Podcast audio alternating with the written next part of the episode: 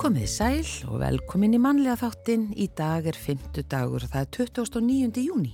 Já, uh, á þessum degi árið 1912 hóf nýja bíó í Reykjavík kvikmyndasýningar á Hotel Íslandi.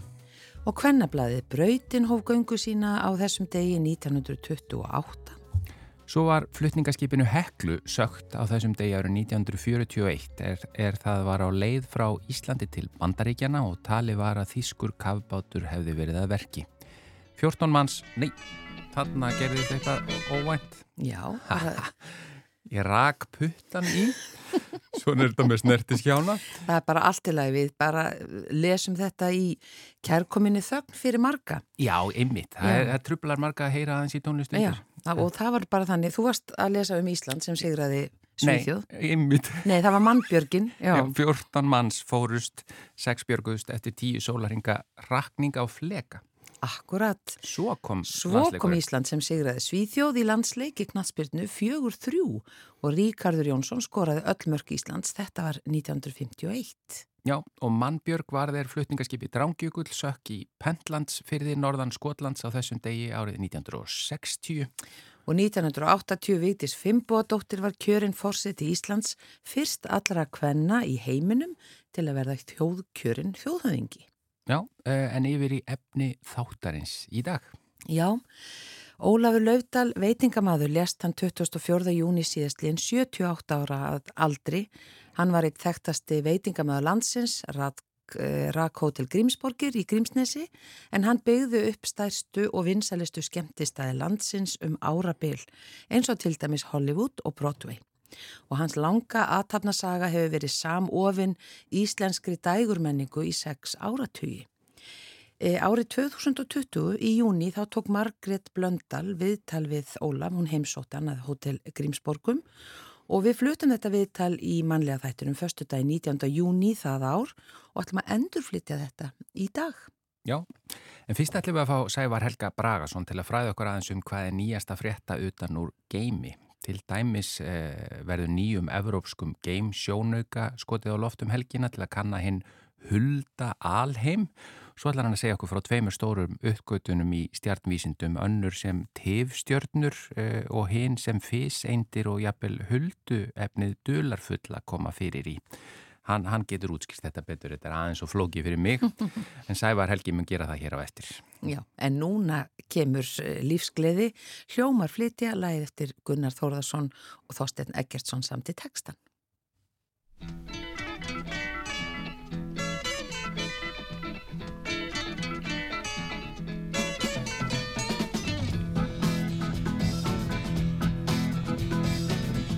Þótt ég sigli um sjá Þótt ég slái mér ljá Þó að allt sé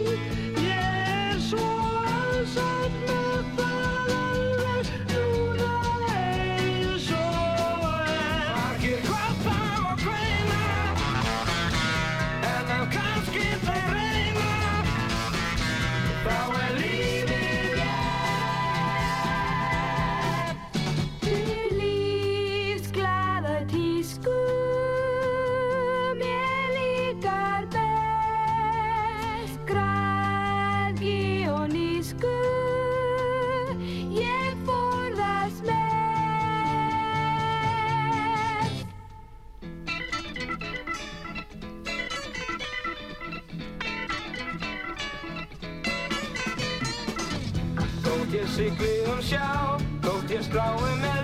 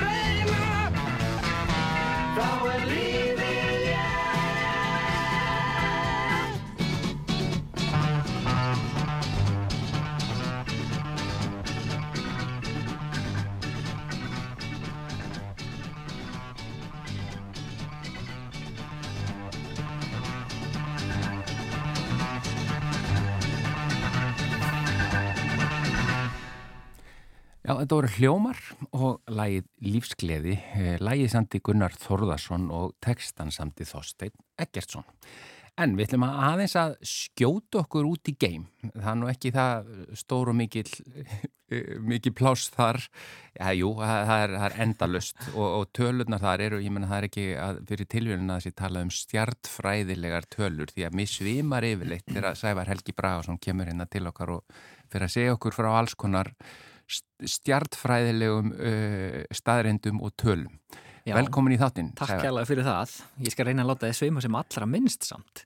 Já, já. Uh, líður nú bara vel. já, ég er búin að skoða samt aðeins það sem þú ætlar að segja mig frá og ég segi ekki að ég hefi skilið allt alveg strax. En, en sko, Já. það eru, uh, byrjum á, það, var, uh, það er verið að fara að skjóta nýjum sjónauka, game Einmitt. evrópskum. Já. Hva, hvað, hvað segir okkur á honum? Núna bara eftir háti á lögardaginn Mhm. þá ætlar ESA, Geiminsstofnun Evrópu, að skjóta loft sjónunga sem heitir Evklíð og nefndur eftir þessum gríska rúmfræðingi sem kannski einhver hefur, einhver hefur hýrt um. Hefklíð? Evklíð, já, og uh, þetta er uh, sjónungi sem á að reyna að rannsaka hinn, hinn hulda alheim. Það er að segja tvo dular fylstu efnistætti alheimsins sem er annars vegar huldu efni og huldu orka. Og ef við reynum útskýra svolítið hvað það er, Já. þá er sem sagt alheimurinn okkar, allt sem við Mhm. sjáum í kringum okkur, það telur ekki nema svona 5% af öllu efnis og orku innihaldi alheimsins. Þannig að efni sem við erum búin til úr, jörðin okkar, bílarnir, stjörnunar og allt þetta sem við sjáum, Já. það telur ekki nema 5% alheimsins eða svo. Restin, eða 95%, er sem sagt blanda af huldu efni og huldu orku.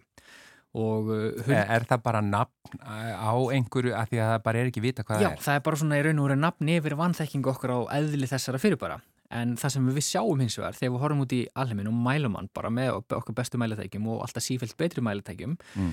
er að, uh, til dæmis ef við skoðum vetrabrutinu okkar, þegar við horfum upp í stjórnubjörnstan heiminn og heiskjöru kvöldi, þá eru alla stjórnir sem sér hluti af okkar eigin vetrabrut sem er svolítið svona eins og við eiga í alheiminum sem telur einhverja 400 miljardar stjarnar. Býtu, býtu, Já. sjáum við bara með berum augum Mhm. frá jörðinni e, bara stjörnu sem er í okkar? Já, og bara stjórnir sem eru næstar okkur í vetrabrutinu okkar. Svo náttúrulega með sjónaukum getur við séð ennþá lengra Já. og þá komumstu að því að þessi slæða sem að kannski blasið fólki þegar það fer í sumubústæðin og veitinu og horfið til himins Mhm. að, og köllum vetrarbrautin okkar er svona skífa, disklaga og hún snýst og hún snýst frekar hratt hún snýst reynda svo hratt að ef að það væri ekki einhver ósynlegu massi sem held henni saman þá myndi hún sundrast eða leysast upp.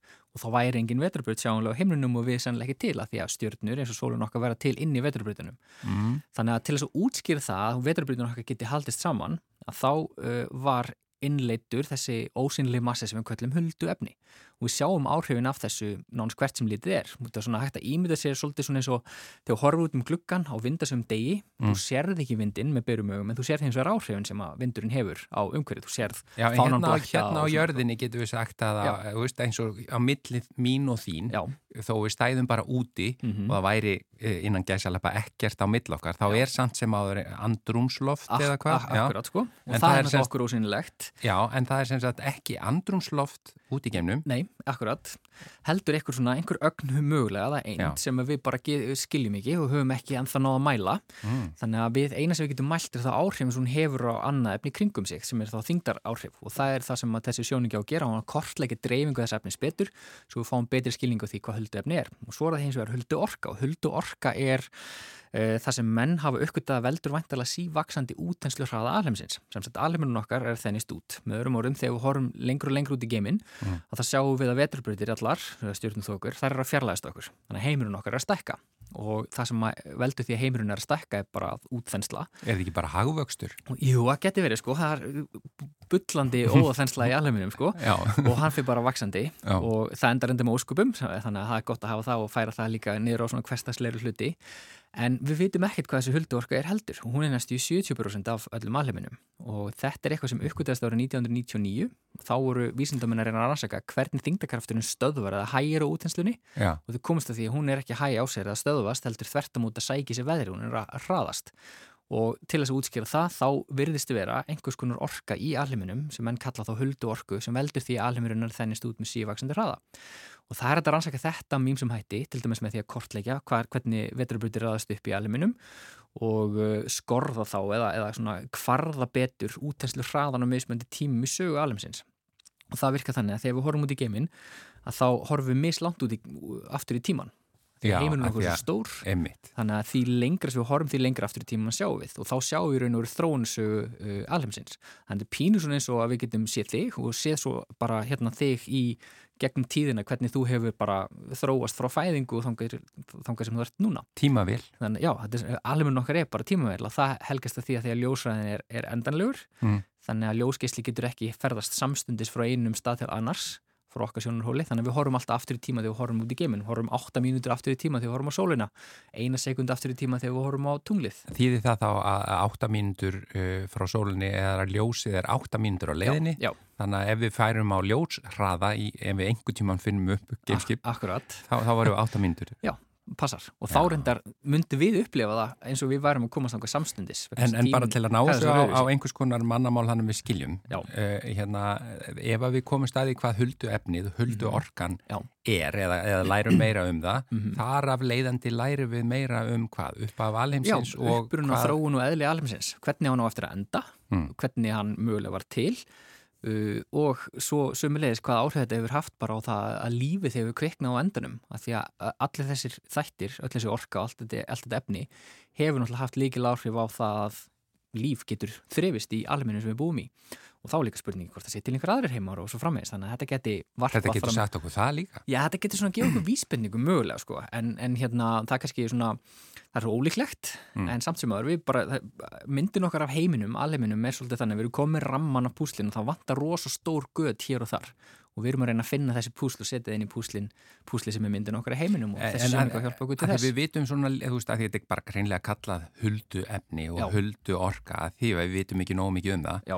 En uh, sérðu bara fram á það og jafnvel í nánustu framtíð að við bara, já, heyrðu, þetta er þetta. þetta er þetta, sko vonandi gerist það að sjálfsögðu Já. Uh, en hérna vonandi leðir þetta líka til þess að við lærum einhverju nýja eðlisfræði sem við skiljum ekki í dag Já, en við ein, auka, e, vitum við það að Mhm. huldu efni og huldu orka, er það ekkert í, á jörðinu okkar? Jú, eða, þú sko, það, þetta ætti allt saman að vera allt í kringum okkur líka Já, já. en við bara náum ekki að mæla það með þeim mælitæki sem við höfum og tilrunum sem við höfum gert hinga til Mm. hafa ekki náða síðan að sína fram á hvað þetta er, í raun og veru þannig að kannski er huldu efni og huldu orka bara einhvers konar ný eðlisfræði sem við kunnum ekki ennþá og við, okkur vantar þá annan Einstein eða eitthvað svoleiðis til þess að varpa frekar og ljósa það já það, til þess ert þú hér. Já, já, ég, ég væri nú bara ég klára á Einstein sko, þá hérna var ég að reyna að leysa þetta.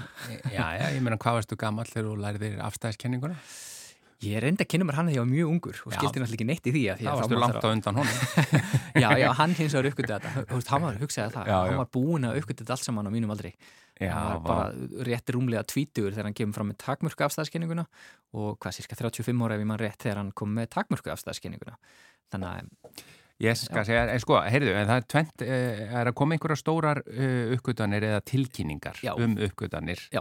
Bara í örstutumáli, bara hvað það Já, er, það er því ég veit að það er flókið. Akkurat, sko, það eru tvær uppgötunni sem að vera að skýra frá í dag. Önnur uh, fjallar um uh, það sem heita físeindir og Mhm. físeindir eru fyrirbæri sem að fáu kannski hafa heyrt um. Ljóta að vera léttar með Já, að nafnið. mjög léttar, þess vegna heita það físeindir um mitt og það er núna bara þessu augnumbliki, hver einastu augnumbliki þá streyma í gegnum okkur svona 100 miljardar.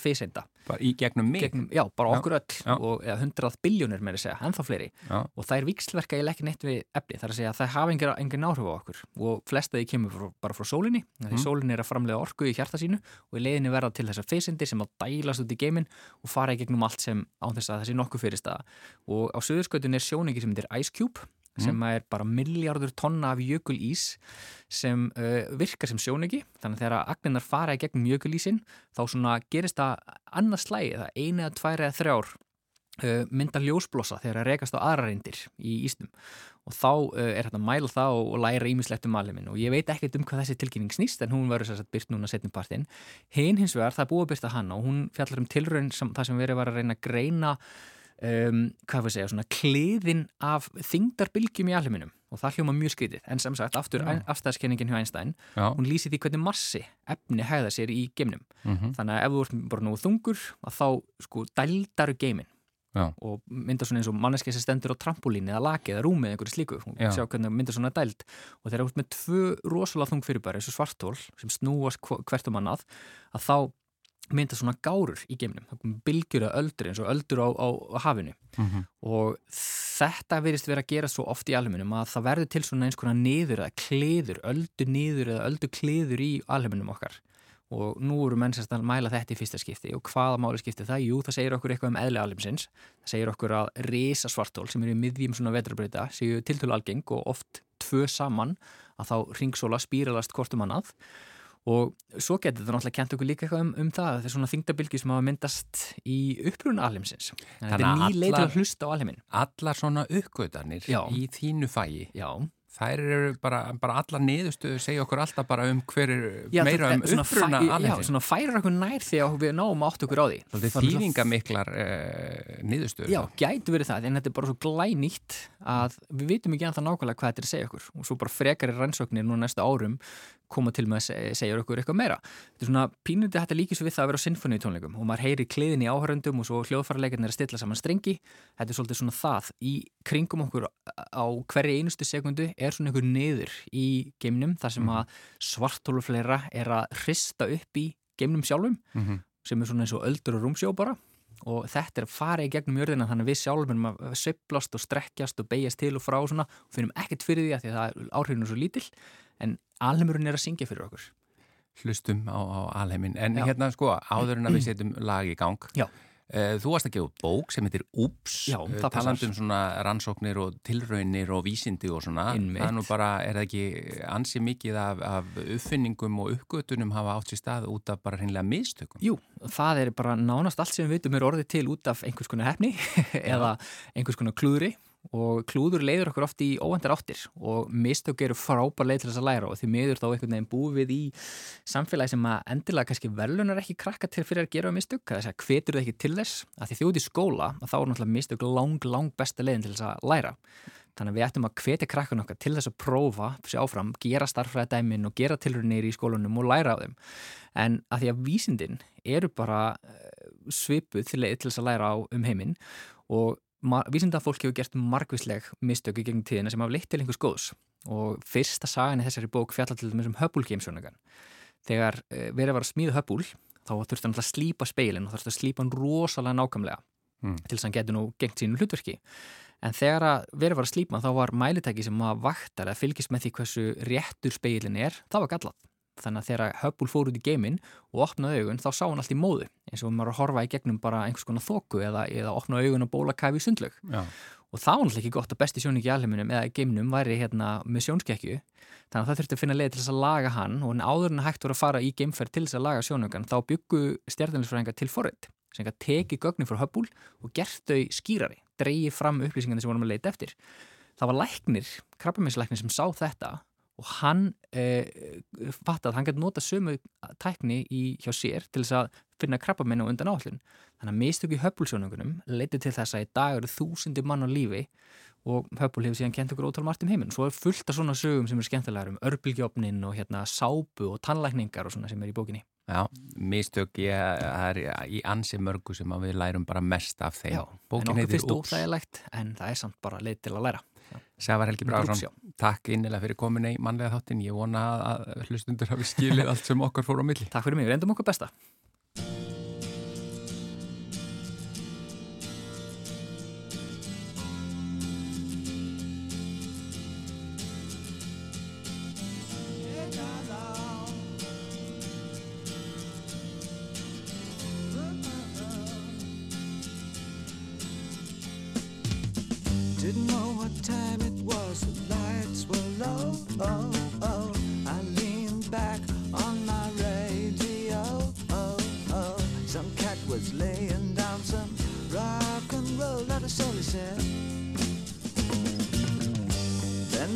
Loud sound it seemed to fade. Came back like a slow voice oh, on a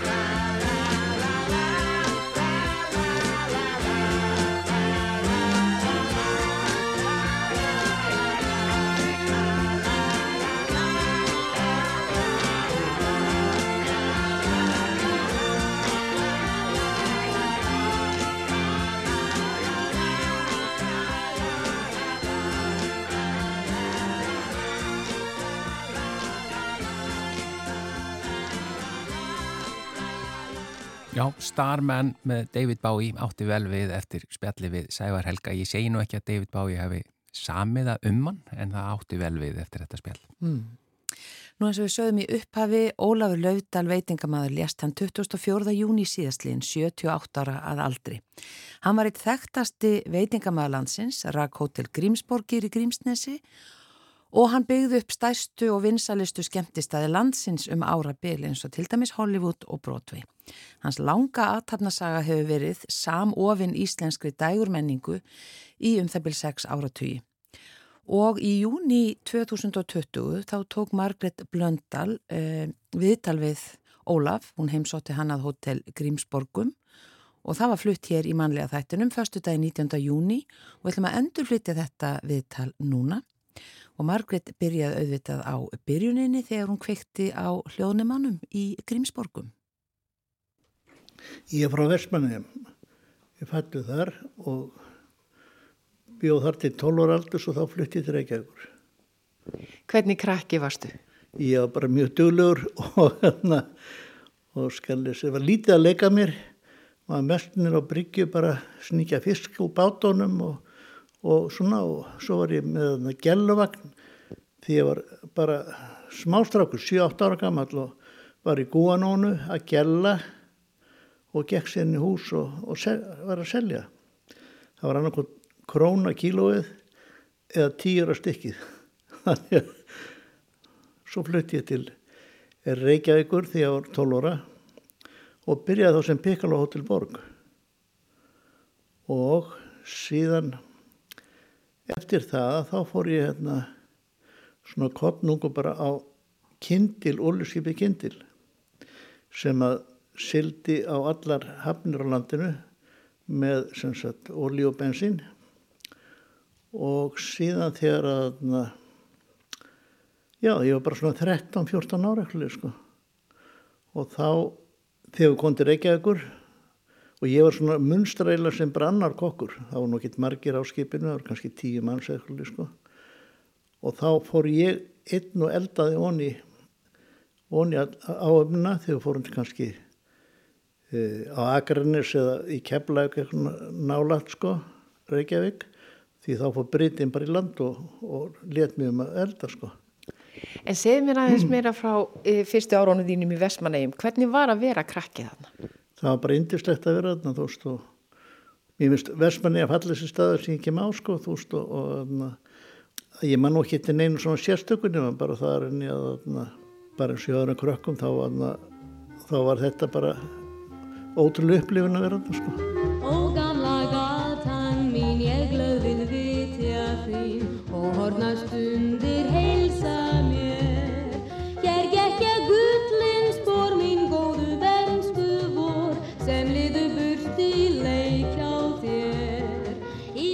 Já, síðan sko eftir að ég var að kindli að þá fer ég á síld sem kokkur því á 15 ára gammal þá er ég kokkur á síld á sjöstjórninu frá Vestmanneum og við vorum aflæðist í báturinn þá á Vestmanneum bátum á síldinni og ég eldaði einn og ný sem sagt uh, alla ofna, ég held að vera tólf kallar og uh, þannig á þessum tíma þegar maður var sigluferði eða rauvaröfni eða fyrir austanland og þegar var landlega þá þurftur að bera all, að, sko allt sem vestlaðar inn yfir kannski allt upp í tíu bátar sem lág utan á hverjum öðrum sko. Og maður var nú ekki hári í loftinu á þessum tíma en allt bjargaðist það sko þú veist og, og enginn kvartaði við matnum. Þannig að na, ég var 15 ára og eldaði onni bara heila á öfnuna og eftir sumarið þá átti ég fyrir nýjum bíl og kassanum en kallanir sögðu sko einn saði þarna, hann hafði aldrei vita hrópleira óréttandi heldur það að ég var með einn og hvart hlut sko. Kokkur var með herra kaupeldur en hásettanir en þessi hásetti var búin að vera á sjónum sko í 40 ár og að strákpjakkurinn hann væri með sko herra kaupeldur þeir að það fannst þeim alveg með ólíkitum sko En þú hefur nú veintalega ekki verið sammála því. Nei, nei, En þegar þú varst að byrja að elda þarna, ég bara, hvað, 13 ára gammal fyrst, kunnur eitthvað fyrir þér? Nei, ég raun ekki. Þetta bara, sko, ég man að ég var með, sko, maturislubók með mér og kvöllanum hans það eitthvað en hálf undarlegt að ég var með maturislubók Helgur Sigurðardóttir. En allar húsmaður áttu þetta til, sko, þú veist, og, og na, svo eru náttúrulega allir maturislumenn í heiminum með, með bækur, sko, í eldhúsinu. En þetta þótti svolítið skrítið þessum tíma, sko. En þetta var bara, þú veist, svo á nóttinu þurfti maður að fara upp á nóttinu þegar var sko kasta fyrir síld sko, þú veist, og þá bakaði maður pönnukökur eða vöflur eitthvað svona á nóttinu. Þannig að, já, þetta gekk allt saman bara ótrúlega vel. Og þú alveg unni fyrir þessum eina og kvart hlut. Já, ég held það bara, ég, ég held það. Og síðan, svo, svo því ég kom af síldinni, þá byrjaði ég að læra þjónin á Hotel Borg og var þar, skal ég segja það, já, lærði þar á borginni. Síðan var fyrsta djópi sem ég fór í eftir að ég var útskriðar, þá var ég að opna Hotel Sögu. Og þá var ég eitt ár á, sem sagt, í grillinu Hotel Sögu, þá var ekki búið að opna Súnarsalinn á þessum tíma. Og uh, já, síðan fer ég á Gullfoss var þar svo barþjóðna Gullfoss í en sjö árendi bara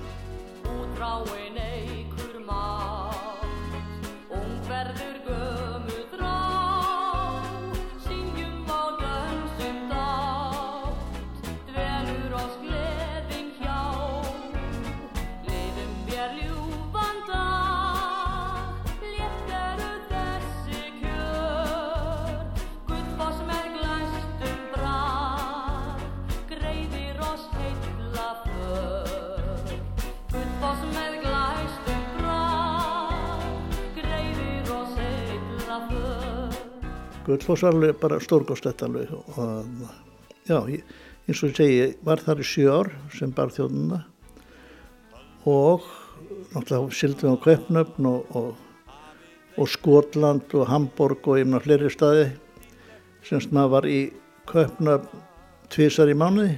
Þannig ég var búin að koma mann ekki hvað eitthvað annað hundra sinnum til Kaupnöfnar þannig að það var alveg ótrúlega flott Hver var vinsalasti drikkurinn þegar þú varst um borð í Gullfossi mannstöða? Nei, þetta, ég man það nú ekki, það var nú bara drikkir síns tíma, bara rom og kók og asni, tvöldur asni og svo voru einhverju koktelar og svona sko.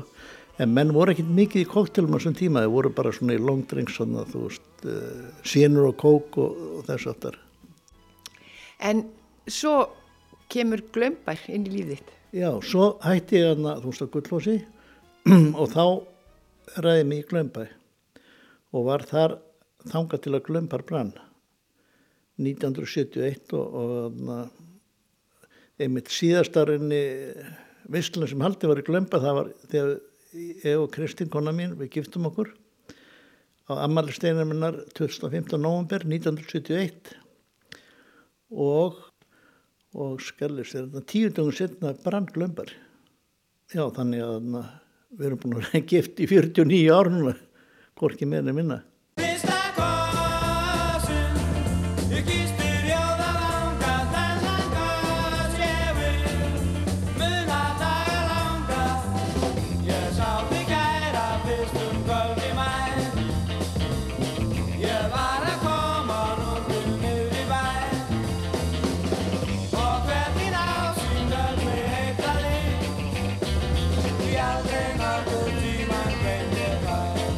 Hvernig var stemningin í glömbæ á þessum árum?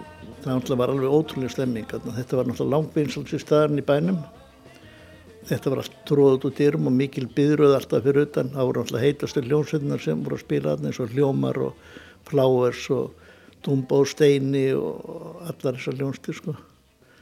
unga fólki var þarna og var tróðfullt allar helgar en það var ekki opið meiri viku Þegar ég á æsku árum ungur var Átti ég mér fagrar ljúvar minningar. Nú eru þær hornar, hornar í hinsta sinn til gravar borðnar Æsku taugar allar sundur skornar Eftir að glömba brennur þá fer ég í aðna, óðal. Þá er óðal flottasti matsölustæður í Reykjavík, hann bara eins og hótel Holti eða þess að þar. Og sem sagt þar koma svona allt fína liðið. En svo breyttum við í hérna, ég var meðegandi hérna, vorum þrýr sem átti það saman. Var þar í eins 5-6-7 ára eða eitthvað, sko. áður vorum við búin að breyta sem sagt eh, færa, færa okkur í næsta hús við liðina, brjóta þar vekka á milli og það var gert diskotekðar sem varð alveg svo við manni mælt alveg ótrúlega vinsalt og fólk þekkti mig og glömbaði sko. Ég var svona, má segja með svona vinslastu þjónunum manna sko. Það satt aðal gengið alltaf hjá mér og ég var svona hljónsetta meðlumdi þekktu mig allir og þess áttar og, og mér sé að sko þegar einhverju frægir komið svo lett seppilín eða eitthvað slús og þá sáttu þeir hjá mér. En sætla minningar þá komu þeir og ég mun að sáttu hana og, og buðu fullt af stelpum og svona borðin og pöntu drikkiferðar og þess áttar og síðan áttu að vera að gera upp reikningin og þeir voru bara, ha, borga reikningin alls það sem við heims þekktir sko, heimsfrægir sem sagt höfðu aldrei borgað nokt í að neitt reikningan allt á frýtt bara og bara hissaði að vera að röka þá sko. En e, þú varst á prósentum á þessum tíma sko fyrst 15% af sölunni sko. Og þannig ég tala um við eigandanana sem var Sigurbjörn Heritin Eiríksson alveg úrvalsmaður en hann sáli minn þetta er bara þitt mál, þú eru bara að rökka innan. Þannig ég tapaði rauninni ég sennilega svona bara hátt í tveggja mánuða launum hann á því að þeir komið hann nú síðan sko, já var ég að njóðal þessi ár og fer svo þá mér bóðið að kaupa þarna César upp í ármúla. César var svona uh, staður sem búið opið í eitt ára sem náði aldrei neina flugi og þú veist, eiginlega aldrei neitt fólk sem komað inn en var nokkuð bara vel flottur staður sko. Þannig ég uh, kaup þennar stað og skal þessu séls og afturinni sko, félagi mínu njóðal vildi endilega við myndum gera þetta allt saman. En ég vildi það ekki, ég vildi bara reyna að gera þetta vegna þess að ég vissi þar en ég átti svona mikið, um, mikið í kununum sem komið til mín og maður þekkti náttúrulega gríðarlega mikið fólki. Síðan var bara eins og manni mælt bara hann leiði opna þetta og skýra þetta Hollywood að þá er bara sko röð þarna úti sko mörg hundur metra að komast inn sko.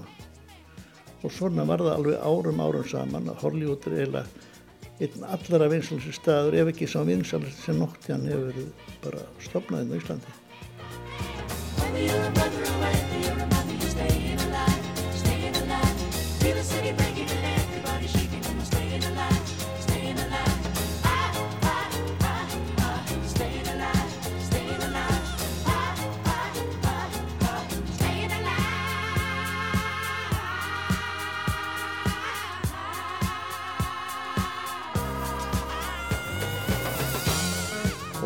maður náttúrulega mjög heppin þetta var diskotíminn sem var þarna og ég kom með þarna sko ljósa dansgólf og það er náttúrulega Saturday Night Fever og það allt saman sem er á þessum tíma.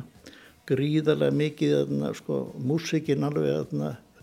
Þetta er svona ótrúlega flottu tími. Maður heppin að vera inna á þessum tíma og svo fór ég mikið til Erlendis eins og á 54 og fyldist mjög vel með öllu að norðinu var með ljósa mikið ljósa sjó og þess aftar og, og síðan eh, sko þú komið til dæmis svona eitt sem var að vinna fyrir mig og gerði svona ljós og, og, og hljóð.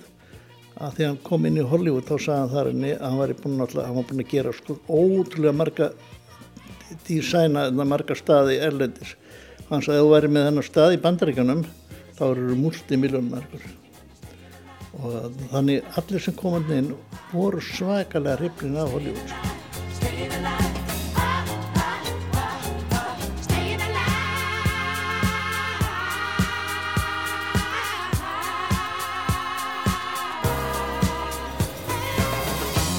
og síðan fannst mér þetta ekki alveg nóg maður mað vildi alltaf vera sko, að gera eitthvað meira og meira. Og þá fór ég að og byggði á samt sko átna sammálsinni í Sambíu, byggðum saman hús upp í, upp í, upp í Álvabakka sem hétt Broadway.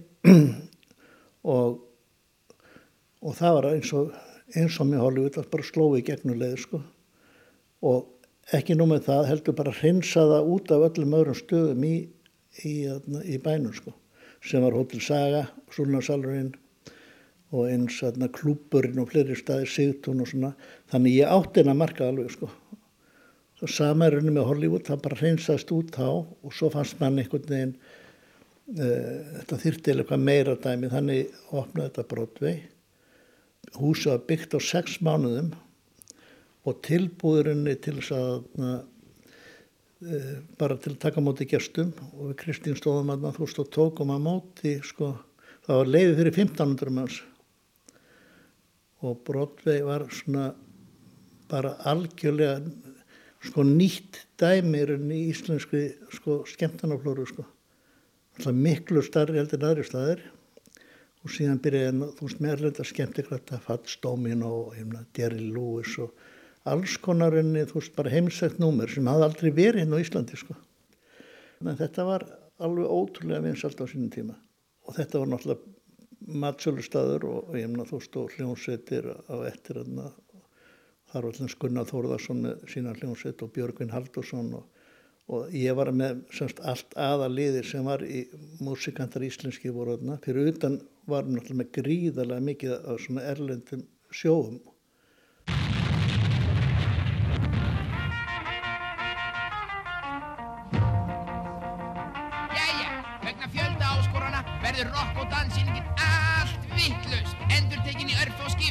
Broadway 60 lög frá Gulland Roxins Þú skellir þér og pantar borð í tíma. Og það voru spesial gestir sem voru komanda eins og til dæmis John Travolta hann flög sjálfur. Hann er flugmaður sko. Og hann var búinn að eh, heyra af einnig síningu sem var þarna sem hétt Allt vittlust og var svona síning með, með lögum í gegnum tíðina og hann kom bara að sagt var lendi sko sérstaklega þú veist og við Kristín sátum með hann hann við borðan honum og konunars um hann sá síninguna og svo fór, hann bara flög aftur heim. Þannig að þetta var gríðarlega mikið af sjóum og alls konar upp á komum ársáttíðum ég var með allar staðistu ársáttíðir þegar ég sá um landsfund sjálfstæðslokksins í bara 20 og ég man ekki hvað 5 ára eitthvað sloka hóið og þá var það ekki nóg á brotvegur og lítið sko. Þannig þurftir henni fyrir 2000 manns. Ma, maður var í Ísálfi á líf og sál og þá fór ég að, að byggja Hóttin Ísland. Og uh, og skal sé það Hóttin Ísland tók 2384 gæsti korki meðinni minna. Og það var bara sama þar en leið og Hóttin Ísland opnar að þá er sko þá bara byðröðana sko það er alltaf síningar allar helgar og það er sko 3000 manns eða meira sem kemur inn á kvöldi sko. En svo verða skil, svo breytist allt. Já, síðan kemur upp hana á, á sínu tíma þá kemur uh, krísa í þjóðfélaginu efnaðsleg, þetta er alveg saman svo í brotvi á sín tíma því að byggja þá fyrir verðbólgan yfir 100% fyrir bara bí 130% hvorki meðinni minna. Og þegar þú vaknaði morgun nettir kannski þá skuldar 20-30 miljónir meira en þú varst að sofa. En allt saman í fínu með það og ég sko brotvi gekk alveg upp á tíu sko og Hótel Ísland líka. En síðan eru þrýra byggja saman á, á, byggja á sama tíma ég og svo, svo er að byggja Hótel Örk líka og Holiday Inn. Og þá kemur svona krísaðin í þjóðfélaginu þannig að efnum samdráttur gríðalegur og þá farði ekki neina peninga til að halda áfram. En þá er ég búin að náttúrulega opna skemmtistæðin og það gekk allt eins vel eins og gætt verið. Og ég byrjir að innrætta herbyggin og þess aftar en þá fegstu bara ekki meiri pening og þetta þurfti svona svakalega mikla peninga en á þessum tíma var ekkert um það ræð og geti fengið neina útlendinga inn í þetta eða neitt svona. Menn voru bara peninga þurði í landinu sko. Og bankin saði sko við getum ekki um að þú veist lánaði meira. Og síðan bara kom það upp að, að þá saði ég ok þá bara vil ekki þá taka fastegnina bara? Sem að þeir og gerðu. Og ég legði bara gerði legursamning þannig að ég innvolsi og þarna og skemmtist þarna og þess aftar og leiði strax til tíu ára og framlítið svo aftur um tíu ár. Þannig þetta var ekki, neitt, neitt risasjóku þetta tapaði hérna fullt af peningum á sínum tíma en, en ekki þannig að það var enginn sem fór með skað út úr því sko. e, allt starfsfólk borgarlaunin sín og allir sem voru einhverja reikninga eða eitthvað þess að það var borga hver einasta króna Þetta er svo ævinterleg sagan þín, Óli, og svo eh, þegar ymsir svona fara nú að pakka saman og, og, og svona setjast í helgan stein eins og það er kallað, þá tekur upp á nýjast ævintýrinu þínu. sko konan, ég, hún segja Óli, nú er ekki farið að vera gott bara, við erum búin að vera í þessu alveg frá því og varst bara smá strákur og ef ekki farið reyna aðeins að sleppa af þarna og úr því var það sonum minn elsti, hann tekur við rekstinum sko og raka þetta aftur áfram í tíu ára eitthvað lýs. Þannig að hann var líka búin að fá, ég meina, þú veist, nóa þessa nætunum, þannig að þú ert að koma heim kannski fjögur, fimm, sex á mótana, sko. Og þetta er opið náttúrulega öllum hátíðstugum, þetta er opið náttúrulega gamla áskvöld og jólinn og ég meina, þú veist, alla daga. Þannig að, na, síðan bara hætti ég í þessu, svona minn tók við og þá áttu við hérna sumabústæðina östur í Grímstensi, alveg á besta staðinni við vatnið. Og ég var sko því ég kaupi bústæðina að þá var ég bara þrítur eitthvað svolítið sko. En kallarnir og fólki sem áttu heimaðna í kring þetta er svona eins og mínum aldrei dag svona bara þjóðþekkt lið allt sem voru þarna í kringan en síðan eh, síðan skal, eru þeir allir fallin frá og þá koma erfingarnir og allir ætlaði að fara að gera eitthvað í kring. Og mér list ekki mynd á það þannig að ég setti þið bara bústöðinu sölu. Og þá er hreppurinn hérna, Grímsins og Grafninsheppur að auglýsa hérna uh, 36 lóðir til byggingar á einbílusúsum þetta eru egna lóðir þessar lóðir voru bara svipu verði eins og var í Reykjavík á sínum tíma og þannig við kaupum okkur hérna, veist, eina lóð hérna fyrst og, og byrjum að byggja á henni og áttum mjög stort húsi í, hérna, í Arðanisinu síðan byggjum við hérna eftir Grímsnesi, eftir í Ásborgum. Og konan, hún, Kristín, hún er svona ána með þetta þegar við erum búin aðna, og síðan pröfum við að vera hérna í hálft ár. Og síðan eftir þegar við erum búin að, að búa hérna í hálft ár og uh, fluttum inn austur og ég hafa búin að vera hérna í hálft ár. Og þá að, að því ég hef aldrei verið í veiði, ég hef aldrei verið í golfi, ég hef alltaf verið að vinna hvern einasta dag ársins, það er engin dagur árinu sem ég er ekki að vinna. Og líka Kristín sko. Þannig þá byrjaði ég bara að kaupa einu og einu lóð hérna. Og byrja bara að byggja hérna þú veist uh, og byrjaði að byggja hérna fimm hús í, í hérna, hérna og vissi ekkit almjöla hvað ég ætlaði að gera við þetta. Svo kemur hrunið og hérna, þá fæ ég bara leifi hérna frá sveitafélaginu til að breyta þessu í hótelregstur. Og núna er ég búin að byggja hérna 16 hús og það er sko, núna erum við pláss fyrir 240 mann sérna ef, það var fullt í öllum rúmum og þannig og svo á ég hérna 16 lóður í viðbót sem er óbyggðar. Þannig að það var aldeilis að þú fórst að slaka á. Já, akkurat. En núna, sjárinni, núna er maður bara fastur inn í netinu sko, þú veist, og, og þetta gengur svakalega fínt og, og uh, gerum þetta eins vel eins og hægt er. Við erum sko í svo líf og sál allan sólaringin og þú verður líka að vera það til þess að na, bara hlutin gangi heim og saman. Ég þeir gestinu þín að tala um að þú takir á móti brosandi þegar fólk kemur og þú hveður fólk brosandi og hefur alltaf jafn gaman að þessu. Já, mér finnst þetta bara virkilega skemmtilegt sko. En þetta er ótrúlega vinna alveg. Þetta það bara er enginn sem trúur því hvað þetta er mikil vinna við þetta. En þú verður að helga þér þessu sko. En ég, auðvitað hef ég mjög gaman að þessu, mjög gaman að því þegar fólk er að koma hérna sko líka sem að kannast þið og þekkir hérna. Og það er gríðarlega mikið sem fólk er að halda eins og ég segi upp á brúkusamali eða ammælinn sín Þannig að þetta hefur bara gengið ótrúlega vel en þetta gengur ekki nema þarna þú veist nema bara helgi sér þessu sko. Þú verður bara að vera alveg yfir þessu allan sólarengin. sagði Ólafur Laufdal að Hotel Grímsborgum eh, Margret Blöndal spjallaði við hann í júni 2020 og við endur fluttum þetta viðtal hér í dag og eh, við heyrum þarna að það var minnst á Gunnar Þórðarsson og við ætlum að eh, leika hérna lag með Gunnari Þórðarsinni eh, það er Stefan Hilmarsson sem syngur.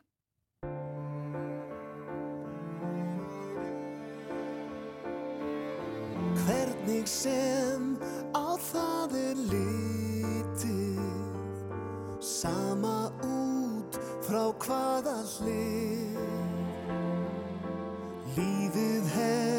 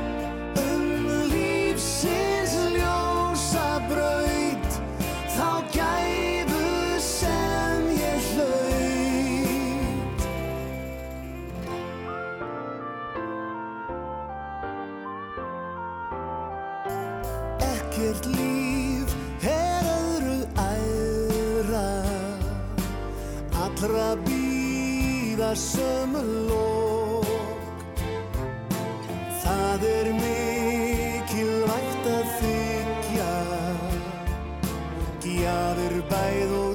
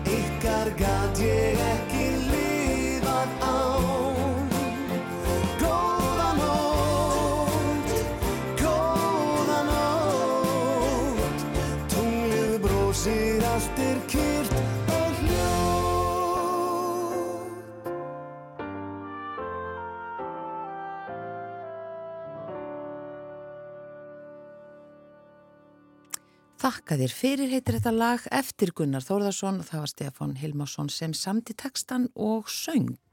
Síðasta lagið okkar í dag í mannlega þættinum. Já, við verðum hér aftur á sama tíma á morgun en þakkum bara innilega fyrir samfylgdina í dag. Já, við erum með föstudagsgesta morgun.